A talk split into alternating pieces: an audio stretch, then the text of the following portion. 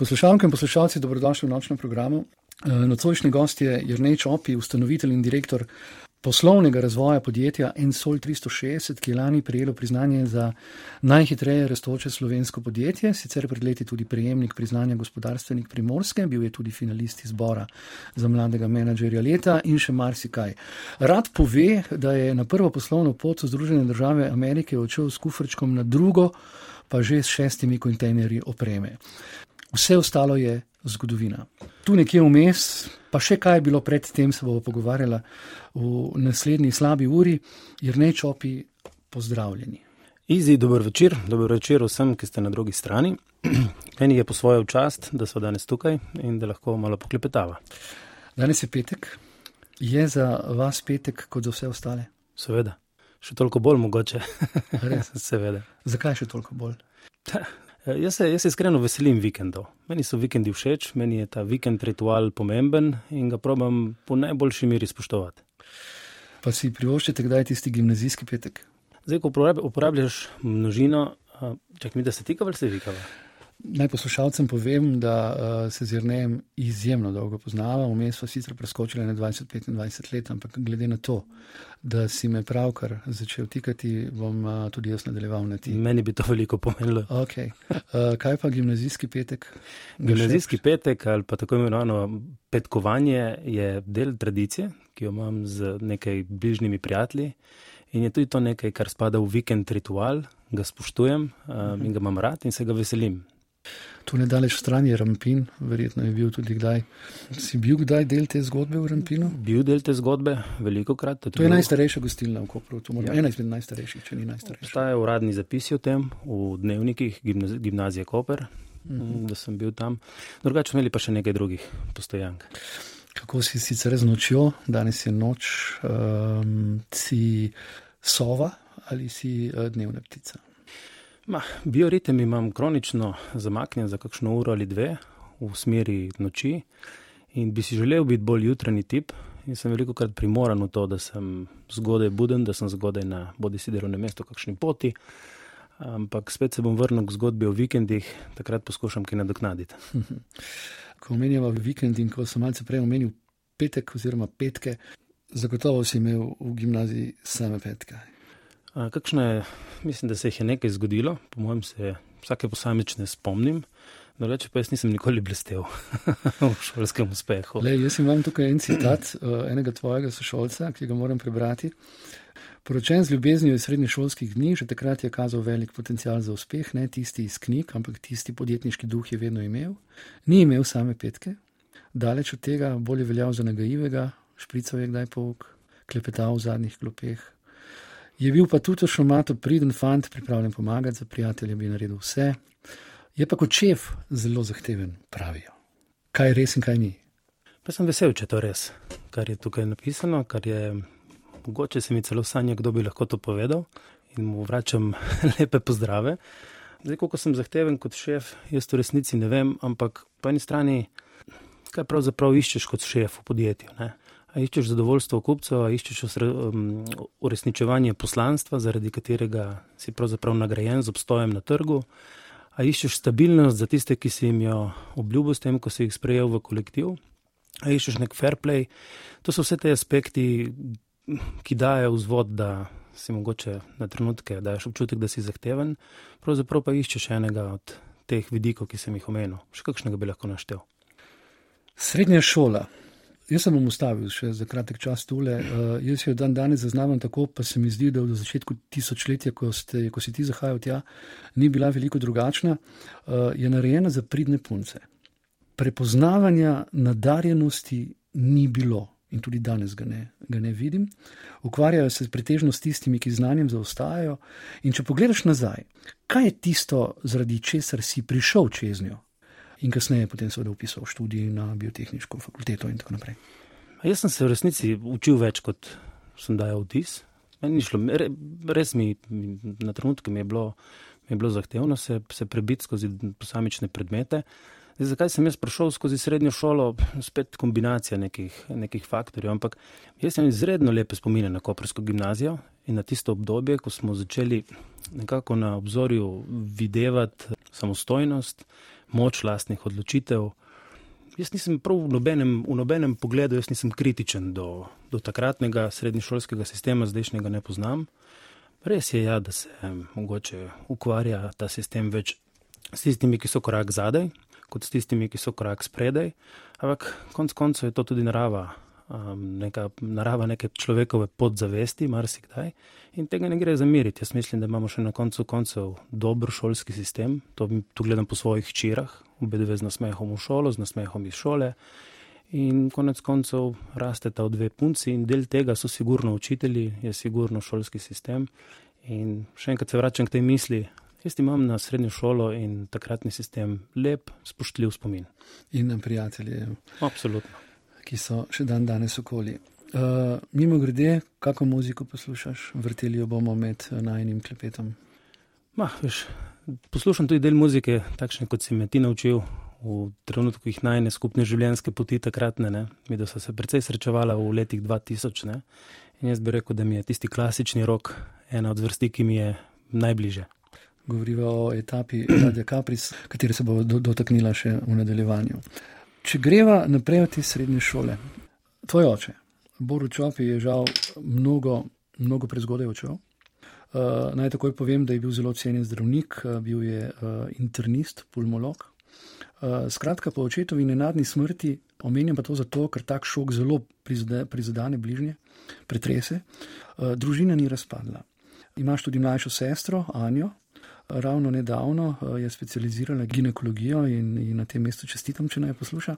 In seveda tu je mama Breda, oboževalka in poznavalka eh, vrtnic, predsednica društva eh, Hortikulturka, znana tu na Koperskem in verjamem, da širše.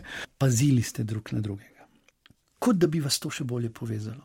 Ma, iz, jaz bi se ti zahvalil, da si se spustil tako globoko v, v ta spomin, to je že precej oddaljeno. To je bilo leta 2000. In um, dejansko ja, izguba. Jaz verjamem, da marsikdo, ki je to doživel, tako kot moja družina, tako kot jaz sam, tako kot moja mlajša sestra, da določen nov sloj strahu se ga naučiš upoštevati in veš, da določene stvari, ko so zgubljene in to smrt prinese, ne, so zgubljene, takrat jih ni več. Ne. In to v določenem vidiku v življenju pomaga. Zato, ker si bolj propulziven, zato, ker greš do konca, ker stvari zapreš. Po drugi strani pa to včasih te nezavestno porine v panično delovanje ali pa mogoče preburno delovanje in deluješ na zven, mogoče tako, kot si ne bi želel v tistem trenutku. Ne?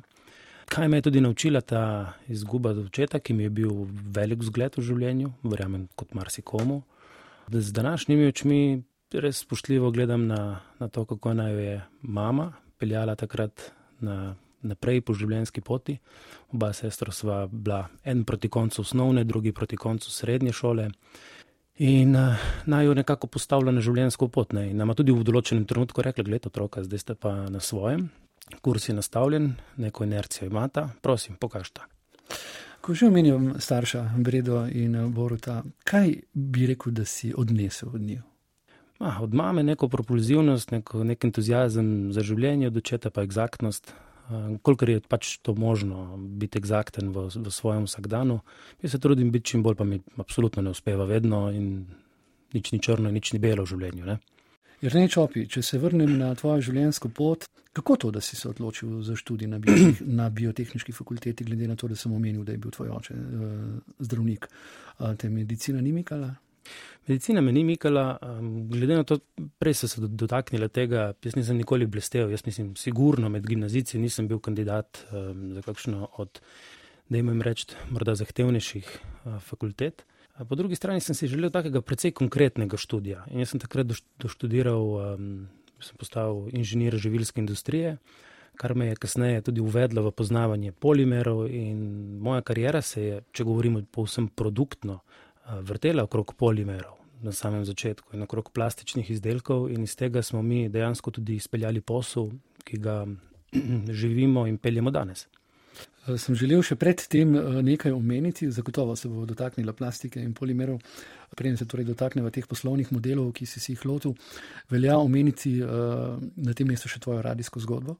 Dolga leta si deloval na Radio Capris, najprej kot ustvarjalec oddaje Slow Dance Chart kasneje eh, diaške vdaje eh, s Heleno, 17. popoldan, če se ne motim, je bila. In postal si jutranji voditelj in kasneje, oziroma vse čas se mi zdi pa, da si stremel eh, k temu, da bi imel avtomobilsko oddajo. In kasneje si jo tudi imel, to je bil dnevni avto Blitz Info. Da slišim, če se spomniš, koliko časa si imel uh, na voljo. Deset minut? Sedem. Sedem minut. Sedem, Sedem minut dnevnih. In avtomobili so bili meni položeni v zibelko, kakorkoli obrnem. Vse ostalo se je na Radio Capris zgodilo. Zelo lepi so spomini. Ne vem, če delivate ja, te lepe spomine na, sigurno, na začetna obdobja Radio Capris. Spomnim reči, da moje zadnje oglašanje v etru Radio Capris je, mislim, da oddaljeno 15 let, če ne kakšno leto več.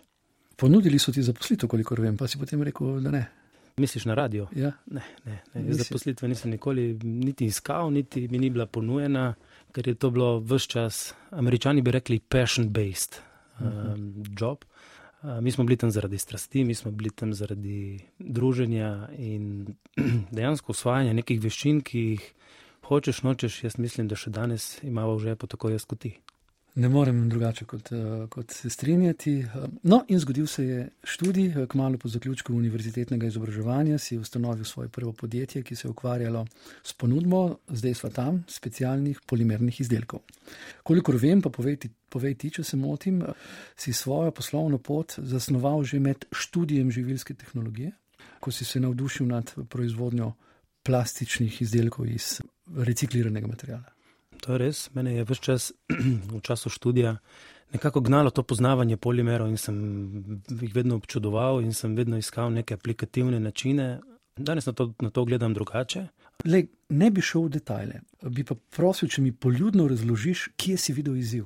Izziv sem videl, da, bil strani, da so bili na eni strani polimeri, ki so bili primerni za reciklažo, blazno podcenjeni, izdelki, ki bi potencialno lahko prišli ven iz um, recikliranih polimernih materijalov, pa izredno uporabljali, izredno visoko um, aplikativno vrednost so imeli. Seveda, uh, kaj je bilo med enim in drugim, med materijalom in neposredno uporabnim izdelkom, je bilo pa tisto, čimer smo se potem naslednje leta ukvarjali. Jaz se želim uh, navezati na prvo in zelo pomembno etapo v tvojem uh, življenjepisu, podjetju Pensito. Po zgled si me dal odšel tudi Avstralijo. Leta 2005 si ustanovil podjetje, vendar brez ustrezne tehnologije in raziskave trga. Takrat uh, si bil odvisen, oziroma ste bili odvisni od podizvajalcev in zadeva preprosto ni stekla, kot bi morala. Pa ste se pridružili inkubatorju um, prek regionalnega razvojnega centra, ste dobili ugoden kredit in zgodila se je globalna kriza. In preboj se pravzaprav ni mogel zgoditi. Jaz sem zdaj povedal črto, kako si se rešil iz tega, kako ste se rešili iz tega. Ma veliko več se je dogajalo v resnici od, od tega, pa jaz mislim, da danes nimava, nimava časa. Tisti je bil tipičen start-up, takšen, kot se dogajajo še danes, zelo, zelo orientiran na produkt, bolj kot na to, kdo bo ta produkt uporabil, kako bo ta produkt prišel na trg, kako bo ta produkt konec koncev eh, izdelan. In tista, tisto podjetje je bilo na koncu koncev prodano oziroma pripojeno eni drugi slovenski, takrat večji družbi. Vsi zaposleni so ostali, lasništvo se je zamenjalo, dobavitelji so bili takrat vsi poplačeni. In na koncu smo se razšli uh, z izkušnjami in brez neporovnanih dolgov. Tako da meni se to zdela nekako um, najboljša, najboljša pot. Lahko pa povem zanimivo anegdoto. Ko sem začel delovati na ameriškem trgu, tam, kjer še danes smo kot podjetje Ensol 360 precej prisotni, se mi je nekajkrat, ne vem, ali je to bilo trikrat, mogoče štirikrat, zgodilo neposredno vprašanje z gledanjem v oči ameriškega kupca, ameriškega investitorja, koliko propadlih zgodb imaš za sabo. Ali, ali pa mogoče je bilo vprašanje zastavljeno, ali imaš za seboj izgubljeno zgodbo, izgubljeno bitko. In um, takrat bi odgovor ne bil napačen odgovor. Ne? Oni, oni nekako iščejo ljudi, ki se najprej naučijo, kako ne smeš. Ne? Sveda sem pa tukaj strogi zagovornik, da kolateralna škoda ni nekaj samoumevnega in jo je treba omejevati, in se ne moremo tega iti kot nekaj, kot nekaj normalnega. Ampak definitivno, definitivno težke zgodbe so tiste, ki te tudi v poslu in v življenju naredijo mogoče močnejšega, bolj izkušenega. To vse je pot, ne pravzaprav. Exactly. Lahko bi rekel, kot si enkrat tudi sam rekel, da je v poslu časovna dimenzija zelo pomembna. No, veš, ko so vprašali možakarja, znaš ti igrati violino? Ne? Rekel, da znam, seveda znam. Ne? Nisem nikoli še proba, ampak seveda znam. Ne? Jasno, da zlagan odgovor. Ne? In jaz res sveto verjamem v to, da če želiš postati mojster, rabiš 10 tisoč ur prakse. In to je neko nenapisano pravilo nekje. Ne? In zdaj, če čisto razbijemo dol eno, eno poslovno, eno šolsko leto, kakorkoli sestavljeno iz 50 tednov, približno 40 ur, pa da zaokrožimo je 2000 delovnih ur na, na leto na razpolago. Ne? Se pravi, ti pet let rabiš, da postaneš solidno dober v nečem. Zdaj, če si na tej poti bral, širo obzorje, bil propulziven, se iz napak učil in tako naprej, potem priješ mogoče med top 20%. Ne?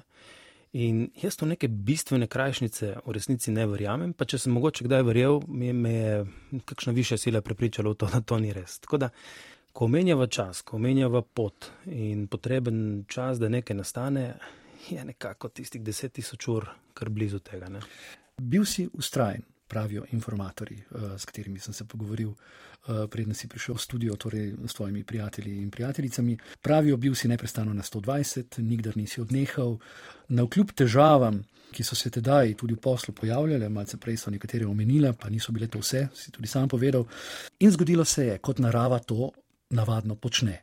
Iskreno, namero, nagradi. Firmo ste prodali, in potem se je zgodila ta zgodba z Ensol 360.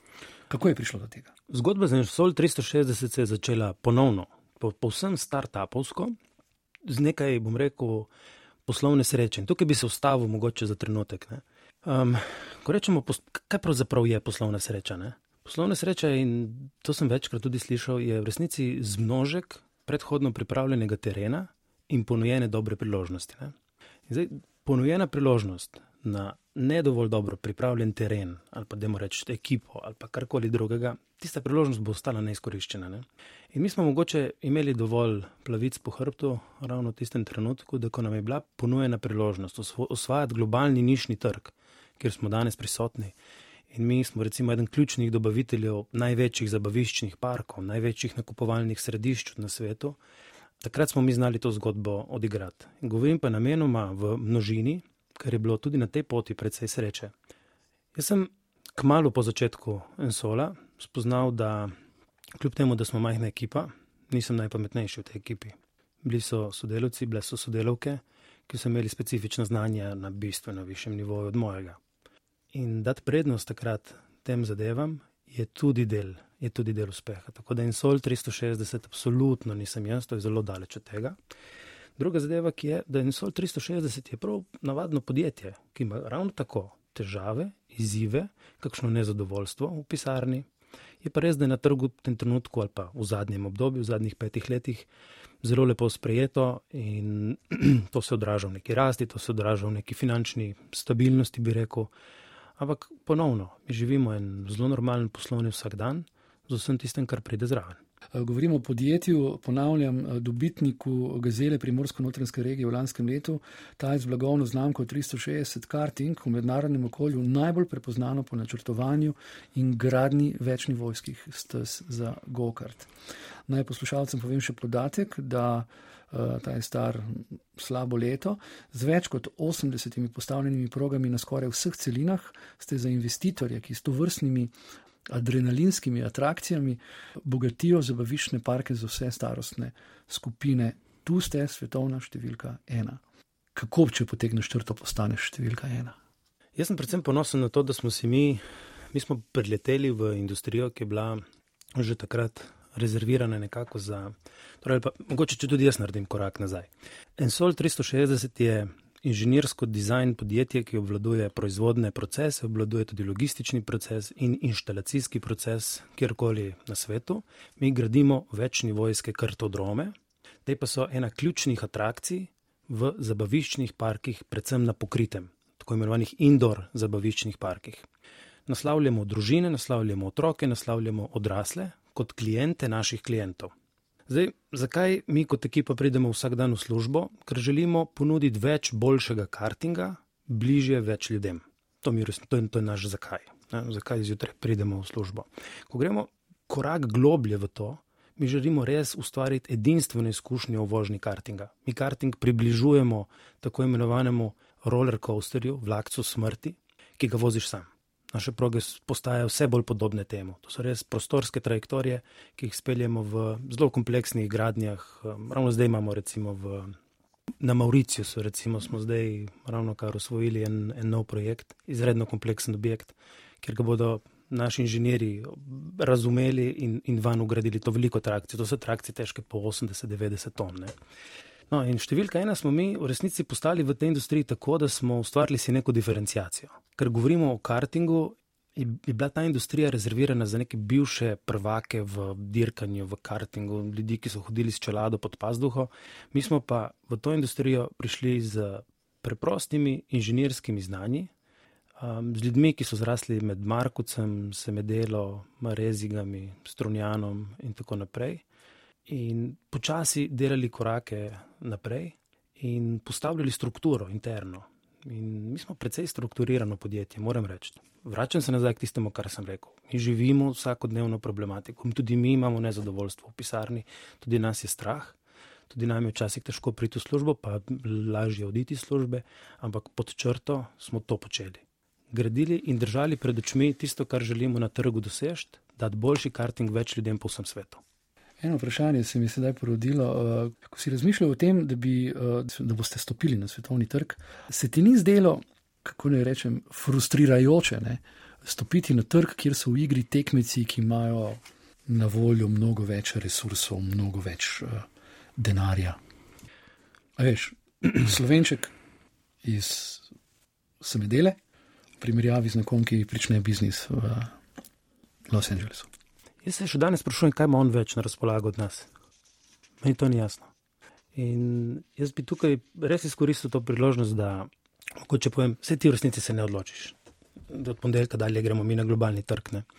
Dejansko začneš delati v nekem lokalnem in regionalnem okolju, in potem naročila in priložnosti se tako odpirajo, da imaš nekega dne dovolj informacij, da lahko postaviš neko strategijo, ki pomeni, okay, svet je naš trg. Ampak to, da bi nekdo v Los Angelesu, konkretno mi imamo enega konkurenta, ki je iz predmestja Los Angelesa, imamo enega konkurenta, ki je recimo Italijan, imamo enega, ki je v Emiratih. Ampak pod črto se vprašam, ali imajo res oni bistveno več, kot imamo mi. Sigurno, ko govorimo o nekih entertainment produktih, torej produktih za zabaviščno industrijo, je Made in USA, ne, kot narejeno v Ameriki, ali pa Made in Italy. To so močnejši brendi od Made in Slovenija. Ne. Tega se moramo zavedati. Slovenija kot taka v tej perspektivi ni nek močen brand. Drugače pa vprašajmo se, v kakšnem okolju živimo. Ne? In tisti hec, ne? pa bom povdaril, da je hec. Kaj je najlepša stvar v Ljubljani? Tabla za koper. Nažalost, te table ni v New Yorku, nažalost, te table ni v Dubaju, ne? ampak meni bi bila ravno tako najlepša stvar. Jaz se zelo rad vračam domov, zelo rad sem v tem okolju in ga zelo spoštujem tako, kot je. Povezano, logistično, preprosti, pošteni ljudje smo, ki, ki živimo tukaj, pa ali si to hočemo priznati, ali si tega nočemo priznati. Ampak tako je. Ali pa če nismo, niso tisti na drugem koncu sveta nič bolj. Ne? In jaz bi, meni se zdi to sporočilo tako kar pomembno. In tako nekako res spontano sem ga začutil skozi leta in mi ta tabla za koper, kjerkoli na svetu sem vedno manjka. Kaj bi rekel, da je recept za globalni uspeh podjetja? Nekoč eh, se mi sicer zdi, da si že rekel, da si rekel mir v duši. Z enim sodelavcem, z mojim najožjim sodelavcem, smo se pogovarjali in je on takrat rekel, veš, da en od mojih vodilj je početi velike stvari z mirom v duši, pa pol, pol se lahko pogovarjamo zdaj, kaj je mir v duši, pa kaj so velike stvari. Ne? Ampak glede na današnji svet ne, in veliko se pogovarjamo o teh barijerah, ki obstajajo, da sploh lahko vstopiš na neko tržišče. Mislim, da priložnost v prvi vrsti za obaljna podjetja, tudi za slovenska. Realnost je ta, mi lahko stopamo na nišne trge, mi smo lahko na nišnih trgih dobri, ampak nišni trgi globalno še vedno omogočajo izredno rast. To so še vedno lahko potencijali, ki jih merimo v desetinah milijonov evrov, v celo stotinah milijonov evrov. Mi se ne moramo zdaj čez noč odločiti, da bomo prvi v rudarstvu ali pa da bomo prvi v ne vem, solarni tehniki. Lahko pa smo v neki niši, tako v eni, kot v, v drugi, kot v tretji industriji. Ne? In mi smo naredili ravno to. Ne? Mi smo nekako izbrali, našli svojo nišo in v tej niši pos začeli postavljati svoje pravila. Meni je v ponos reči, da imamo američana, ki nas veselo kopira in se blazno trudi, in tudi mu kar dobro gre, moram reči. Ampak imamo zdaj zdravila za naslednji teden. Le, ravno to konkurenca mora biti enormna. Ne? To, da si prišel, oziroma da ste prišli na ameriški trg in predpostavljam, da so med konkurenti tudi američani, seveda, pravkar si omenil enega in ste kljub temu najbolj prodajen artikel, ne, je velika reč. Razmišljam, recimo, vaša cena bi, glede na to, da je podjetje v Kopru in da morate celotno zgodbo ali pa saj veliko večino nje praktično pripeljati v Združene države Amerike, torej cena mora biti višja. Američan ima svoje probleme, tako kot imamo mi svoje, jih rešuje po svoje. Mislim, logistika je, logistika je res uganka. Zadnje leto, dve, se trudimo maksimalno, tle bi šla ena pohvala naši logistični pisarni. Kako pripeljati 80-90 ton na Mauricius? Ja, v 20 kontejnerjih, ne. Tako se to zgodi. In če ti je Luka Koper, tretji sosed, pa je to malo lažje, kot če, če to ni tako. Uh mhm. -huh. In jaz bi še enkrat podaril. Naša logistična lega je dobra. Je, je dobra. Iz Slovenije se da servisirati globalni trg. Jaz se ne, se ne bi ukvarjal pretirano s temi omejitvami, ki, ki jih imamo. To je naša naloga. To je naloga menedžmenta, to je naloga vseh nas, ki ustvarjamo posel, da te probleme rešimo. Američan ima tudi svoje probleme in z njimi se ukvarja, in kot kaže, marsikdaj slabše kot marsikateri slovenec. Bi pa, bi pa še to dodal, prosim, če te prekinjam. 360 karting iz Kopra je zgradil deset največjih kartodromov v indoor kartodromov kot delov zabaviščnih parkov v Ameriki, brez izjeme. Mi smo na prvih desetih mestih, je povsod uh, naše podjetje podpisano. Čestitke. Kaj ne rečem, kaj pa Kitajcev se ne bojite? Ne, Kitajci niso še, Kitajci imajo verjetno drugo taktiko, oni pa ne napadajo nišnih industrij kot zgleda. In dejansko mi konkurenta, neposrednega konkurenta iz Kitajske nimamo. Bi tukaj dodal še mogoče, mislim, svet postaja ponovno večji, kot je bil še dve leti nazaj, ravno zaradi zagato svetovni trgovini, v logistiki in v vsem tem. Mogoče tudi to malo zmanjšuje pritisk eh, konkurence iz Daljnega vzhoda. Novinarki primorskih novic, eh, prijateljici eh, Iloni Dolenc, si eh, dejal, če bi me kdo vprašal, ali nameravamo seliti podjetje v Romunijo, kjer so nizki stroški, bi mu jasno odgovoril: absolutno ne. Preprosto vprašanje, zakaj ne? Zato, ker mislim, da živimo v enem izredno lepem okolju. Se moramo tega, pa se izverjamem, da se tega koprčani obalčani kar dobro zavedamo. In um, jaz ne bi bil pripravljen plačati cene v poslu, da bi podjetje preselil tja. To je en razlog. Drugi razlog je, da, kot sem uvodoma povedal, en sol 360 blagovno znamko 360 karting nisem jaz. To je ekipa ljudi iz tega lokalnega okolja in bi to bilo tudi v prvi vrsti vprašanje za njih, ali gremo za poslom ali ne. In jaz vem, mislim, že kar vem, kakšen bi bil odgovor. Tako da 360 karting ostaja na obali. Ampak vseeno, Kaj pa poslovno okolje? Ste zadovoljni s poslovnim okoljem? Nekateri zapuščajo Slovenijo, čež da eh, država veliko vzame in tako naprej. Kako ti razmišljaš, kako vi razmišljate oziroma delujete? Jaz ne poznam nikogar, ki, ki bi zapuščal Slovenijo in se težko opredelim do tega. Uh -huh. Máš ti kakšen primer? Ne, razmišljam, se veš, da je Skarol govoril o tem, da bi šel ven. Skarol je še vedno tukaj in ta podol za operacijo, ki jo je, ki jo je izpeljal. Mislim, da je to tako čudovanje vreden poslovni primer. O pomankanju kadrov se veliko govori. Kako, če ostaneva v firmi, imate vi težave, kako se s to okoliščino vi soočate? Jaz bi rekel, da tudi, tudi na tem področju mi nismo nobena posebna izjema. Eno je pomankanje kadrov, drugo pa je izgubljanje kadrov, ki jih ti že v podjetju imaš in te mogoče v nekem trenutku zapustijo. In tudi tukaj bi rekel, mi nismo spet izjema. Mi nismo vedno znali vsakogar motivirati dovolj, da bi ostal nam zvest ali pa da bi nas mogoče smatral kot nezamenljivo priložnost. Tako da eno in drugo se nam je dogajalo, se nam tudi bo verjetno v prihodnje dogajalo in to je naloga nas podjetnikov, nas upravljavcev posla oziroma menedžerjev, kakorkoli, da s temi stvarmi živimo in poskrbimo, da je naš posel stabilen. Stabilnost pa temelji v veliki meri na ekipi, na kompetenci te ekipe. Tako da v tem trenutku sigurno je zelo nizka brezposobnost v Sloveniji, um, marsikateri poslovni model doživlja svoj razcvet, um, marsikateri poslovni model lahko tudi delovce zelo dobro plača.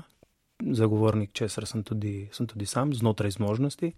In um, rezultat tega je, da mogoče res nimamo kadrov na pladnju, ampak kadri so nekaj, kar, čemu mora podjetje stremeti, jih samostojno razvijati in jih predvsem ohranjati.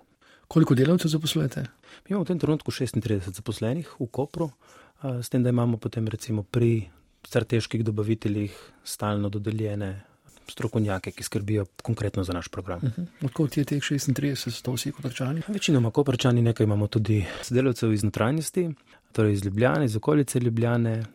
Bi se pa na nek način še naslonil na eno dejstvo. Sol 360 tako rekoč ustvari 100% prihodkov v, na tujih trgih.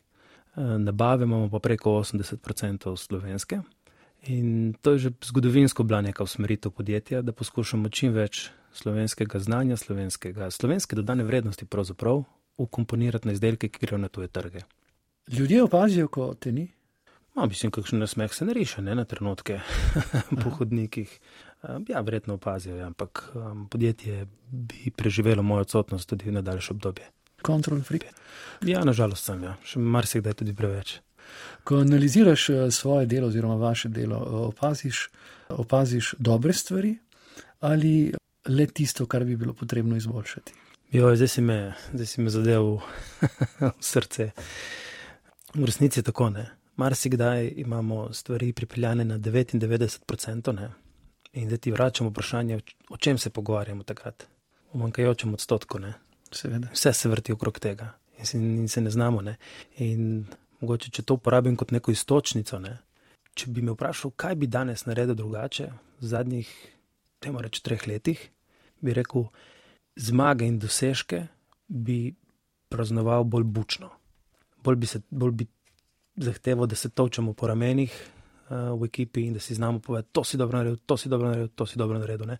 In teh stvari v resnici bistveno več, kot, um, kot se zavedamo. Ma govorim širše, ne govorim samo o, o notranjem okolju v podjetju. Ker sem prav seštevil, vaše podjetje bo naslednje leto staro deset let. Naše podjetje bo naslednje leto staro deset let. Ja. Torej, odlična priložnost za eno odlično fešto in za proslavljanje vseh teh zmag. Tako je. Ne? Kakšen projekt na vidiku še s tem v zvezi? Lahko enega tako iz rokava. Zdaj, za nas je tak pomemben projekt, mi rečemo infrastrukturni projekt, je naša selitev. Mi se selimo v drugi polovici naslednjega leta, kar je v bistvu kasnejši rok od prvotno načrtovanega, pa lahko razložim razloge, nobene globlje matematike ni za tem. To je ta iz te Tomosove stare No, mi v resnici smo na Tomosovem območju v precej novi zgradbi, um, ampak um, selimo se v Izolo, uh, mogoče znana zgodba na industrijsko ulico, tam, kjer je nekoč delovala ambasada. ambasada in tam bomo, tam bomo svojo zgodbo peljali naprej znotraj gabaritov, ki so bili, bili podani, seveda z neko določeno razširitvijo in modernizacijo, ki je bila nujno potrebna tam. Jer ne, počasi greva proti koncu. Uh, verjameš v naključja, v sodo, meniš, da je vse posledica nečesa, akcija, reakcija. Ma, v resnici vsaka kaplja držja, ki pade na zemljo, je posledica nekih fizikalnih pojavov prej. Ne? In če bi jih znali vse zračunati, bi lahko napovedali vreme za sto let naprej. Ne? Ko pa se zgodi v nekem trenutku toliko faktorjev, da jih ne znamo preračunati, temu rečemo naključje. Tako da jaz v resnici v naključje verjamem, o predpostavki, da ne znam zajeti dovolj globoko vseh razlogov, ki so v okolici. Ne. Čemu slediš, čemu slediš, recimo, tvoj življenjski, če sem tako zelo paušalen, moto? Prej sem ga omenil ne, in ga delim z uh mhm. -huh. sodelavcem. Početi velike stvari z mirom v duši, pa je še precej takih načelnih fraz, ki, ki bi si jih lahko zdaj izmenjala tukaj. Ne. Od tega, da se sprašuješ konstantno, kaj bo ostalo za tabo, ne. Nekateri so proti temu, nekateri pravijo, kam to, kam, mislim, zakaj je to pomembno. Do tega, da se lahko vprašaš, kaj vračamo okolju, do tega, da se vprašaš, kakšen bo moj življenjski slog jutri, bo tak kot je danes, bo boljši, bo slabši. Skratka, vse to so neki faktori, ki te tako na osebni ravni peljejo skozi vsak dan. Si imel kdaj rezervni načrt? Vedno ga moram imeti. Ne vem sicer na, na katero področje se nanašaš. Zdaj, če me vprašaš za družinsko življenje in odnos, že eno ga nimam. Drugače za manjše scenarije je fino ga imeti, spet odvisno, koliko si pripravljen neke miselne energije vložiti v to. Omenil si na nek način uh, dom, malce prej in sedaj se bom želim navezati na tole. Si še zelo mlad, 43 let, si praznoval aprila, če sem prav zračunal, ampak vendarle se nameravaš umiriti. Leta 2020 si imel uh, menda preletenih skoraj 200 tisoč mil. Lani naj bi to številko prepolovil, vsaj približno. V resnici je bilo to 2019, sem jaz imel, uh, mislim, da 38 poletov preko Atlantika. Um, šlo se je za čisto prodajne aktivnosti in čisto za razvoj trga na, na, na tisti strani Atlantika. Potem je bil dejansko je bil upad uh, v letu 2020, to je bilo leto, ko smo v podjetju spravljali podstrešje ko smo um, redizajnirali določene procese, mi absolutno nismo mirovali in za mene COVID, uh, COVID-no obdobje je bilo za mene izredno trujejoče. Jaz, jaz ga nisem zaznal kot, kot neko pauzo in bi pa verjetno to ponovil. No in zdaj smo tukaj, nismo jo še omenili, Urško, Urška Čopi, imenovana tri vogale, lahko rečemo, ne, kar se mm. družine tiče. Od drugega letnika srednje šole ste skupaj, poročila ste se menda prva v klapi. Kaj bi povedal o njej? Ah, jaz mislim, da sem. Um, mislim, Urška je moja življenjska sopotnica, nisem ravno od drugega letnika, sva od konca gimnazije skupaj.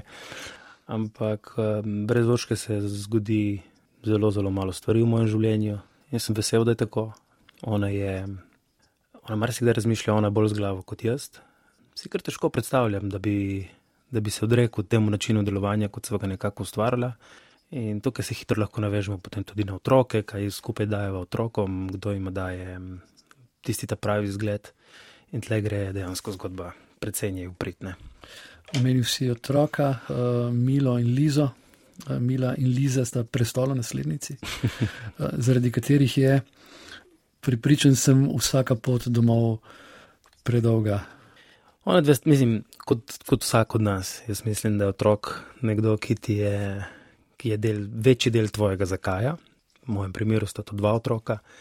Um, ena, ena zgodba ali pa ena, ena misel, ki sem jo izvlekel v zadnjem času, je, da te starejše zdaj končuje vstop v zadnji let osnovne šole. Ne? In z današnjimi očmi jo gledam kot otroka, sebe sem proti koncu osnovne šole že gledal skoraj kot možakarja. Pa sem bil ravno še bolj otrok kot je ona danes. Ne? In uh, mi, je, mi je to ena taka lekcija, da kako včasih ista stvar iz različnih perspektiv različno zgledana.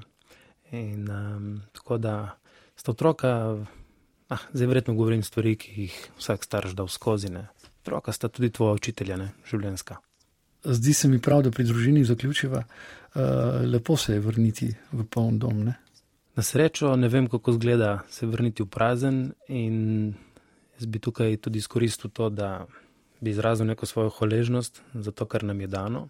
In če to razširim malček iz doma, bi dejansko vsem v lokalnem, regionalnem okolju rekel: živimo v lepem okolju, da imamo ga takega ohraniti, če pa mu kaj manjka, pa da imamo to popraviti. Vse dobro. Ti želim, Jrnej, seveda na poslovni poti, da ti uspe najti mir tudi doma. Pa še to, Jrnej, prijatelji pravijo, uh, da imaš veliko srce. Hvala, ker si se odzval v Bilu, uh, bil si odličen sogovornik, uh, pazi na se in srečno. Izi, hvala tebi za povabilo. Jaz sem dejansko počaščen, da sem imel to priložnost preživeti večer s tabo in um, stupam, da se kmalo spet kaj vidiva.